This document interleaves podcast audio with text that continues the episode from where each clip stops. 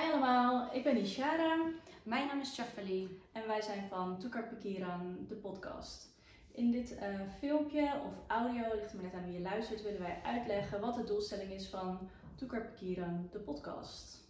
Ja, wij willen eh, elke aflevering ehm, gasten uitnodigen. Twee gasten of misschien één eh, gast. En daar willen we dan praten over God en over zijn enige geboren zoon Jezus Christus. Over het geloof, want wij zijn eh, christenen. En ja, ook eh, is het eh, voor jong en oud bedoeld. Ja.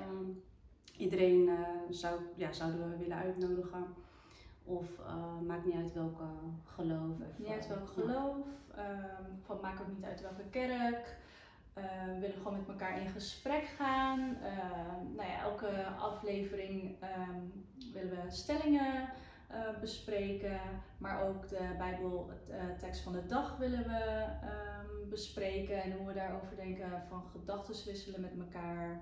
Ehm, nou, dat is ook eigenlijk wat eh Tukar Pikiran eh, betekent. Vertaald betekent dat eh gedachten wisselen met elkaar. Inderdaad, ja. Dus uh, Tukar Pikira na het woord zegt het al in het Maleis. In onze taal betekent dat dus eh, gedachten wisselen, zodat we ook van elkaar kunnen leren. Van de gasten die we uitnodigen en natuurlijk ook van elkaar. En hopelijk kunnen we jullie ook eh, inspireren. Ja. Ja. Ja, dus eh, nou, houd onze Instagram in de gaten. En dan Ja. zullen jullie ook zien waar het eh, te beluisteren is, zeg maar, de podcastafleveringen. Nou, hopelijk tot snel. Tot snel! Doei doei!